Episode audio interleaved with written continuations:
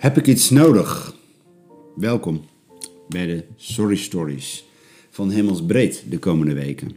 Vier keer Jezus over vergeving. Lijkt zo'n oerchristelijk woordje, vergeving. Wat ik zie is dat gelovigen intussen even hard meeklagen over de sorrycultuur, waarin mensen bij fouten niet opstappen bijvoorbeeld. Alsof dat in veel gevallen iets helpt en alsof vergeving dan even niet relevant is. Om vervolgens ook weer even gemakkelijk mee te gaan in de afrekencultuur, waar de media niet minder bol van staan. Urke jongeren die na de rellen onlangs tegen de avondklok spijt tonen en een inzamelingsactie begonnen, konden rekenen op veel sceptische reacties, ook van gelovigen. Jezus vertelde eens een verhaal over twee manieren van omgaan met vergeving. De scène speelt zich af in de tempel, de plek waar je iets van God zoekt. Je vindt het verhaal in Lucas 18, vers 9 tot 14. Type 1 is een religieuze Jood. Een fariseer die elke dag ervoor gaat, veel bidt, diep in God gelooft en aan goede doelen geeft. Niks mis mee zou je zeggen. Type 2 is een tollenaar, een Joodse belastingambtenaar voor de Romeinse bezetter en berucht om zijn frauduleuze praktijken ten koste van gewone mensen. Gehaat door zijn volksgenoten en niet zonder reden. Type 1 dankt God en is tevreden met zijn leven. Type 2 staat te huilen en smeekt om vergeving. Ai, Jezus zit ook al op de softe lijn, zou je denken. Beter fout en spijt dan goed en arrogant, lijkt de conclusie te zijn. Misschien moeten jij en ik onszelf de vraag stellen: waar zie ik mezelf staan? Als je een beetje goed leeft, is het toch niet zo gek om vooral tevreden te zijn. God, dank u, ik doe mijn best en het lukt aardig. Amen. Wat gaat er mis dan? Nou, Jezus is hard over deze manier van leven. De tevreden religieuze gast gaat, zegt hij, onveranderd naar huis. Hij praat namelijk tegen de muur van zijn eigen onvergeeflijkheid. Zijn arrogantie maakt hem tot een bolwerk van lekkere ik-religie. En hij kijkt neer op anderen. Ja, dat is natuurlijk wel een beetje erg confronterend. Ten slotte, hoe herkenbaar is dit? Religieus of niet, diepgelovig, kerkelijk of juist niet kerkelijk? Hoe gemakkelijk gaan we ervan uit dat we in feite niks nodig hebben? En hoe makkelijk kijk je dan naar groepen in de samenleving die best wel eens beter hun best mogen doen? Die eens flink spijt zouden moeten hebben.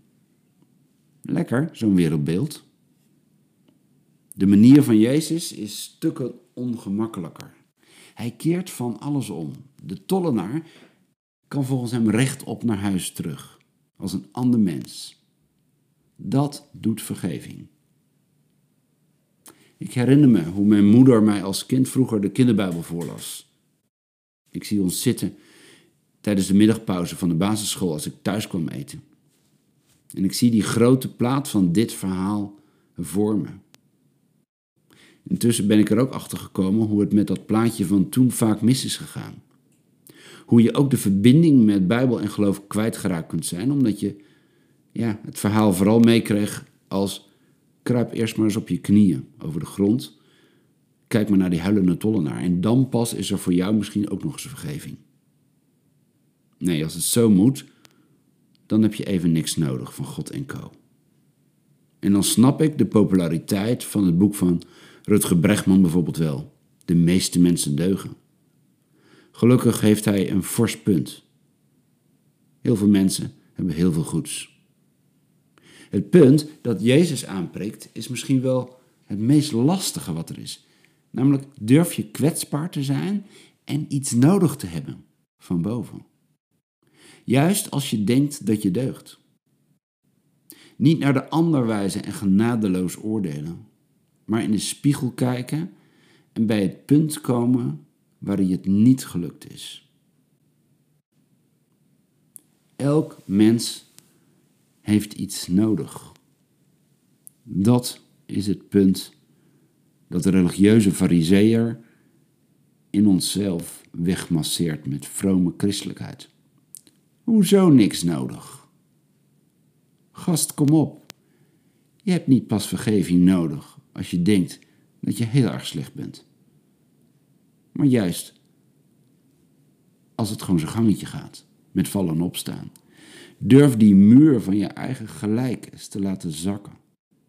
Kijk bijvoorbeeld eerlijk wat er misgaat met onbewust racisme. Wat is de schade die we elkaar daarmee aandoen? Maar niet minder in die slepende familieruzie. Of gewoon in al die keren dat ik de ander niet echt zie staan. Precies dat. Jezus ziet de tollenaar staan, in zijn hoekje vol onvergeeflijke fouten. En één woordje breekt door alles heen: vergeving. Er is altijd vergeving. Het bevrijdende is dat de boodschap niet is dat je beter je best moet doen om daar te komen, maar dat je het moet willen aanpakken. En voor mijn gevoel is dat de spannende vraag. Want dat maakt me ineens kwetsbaar. Ineens heb ik iets nodig.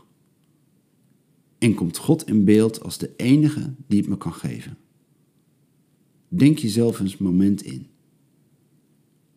Wat kan dat veranderen aan je manier van leven, aan je manier van kijken?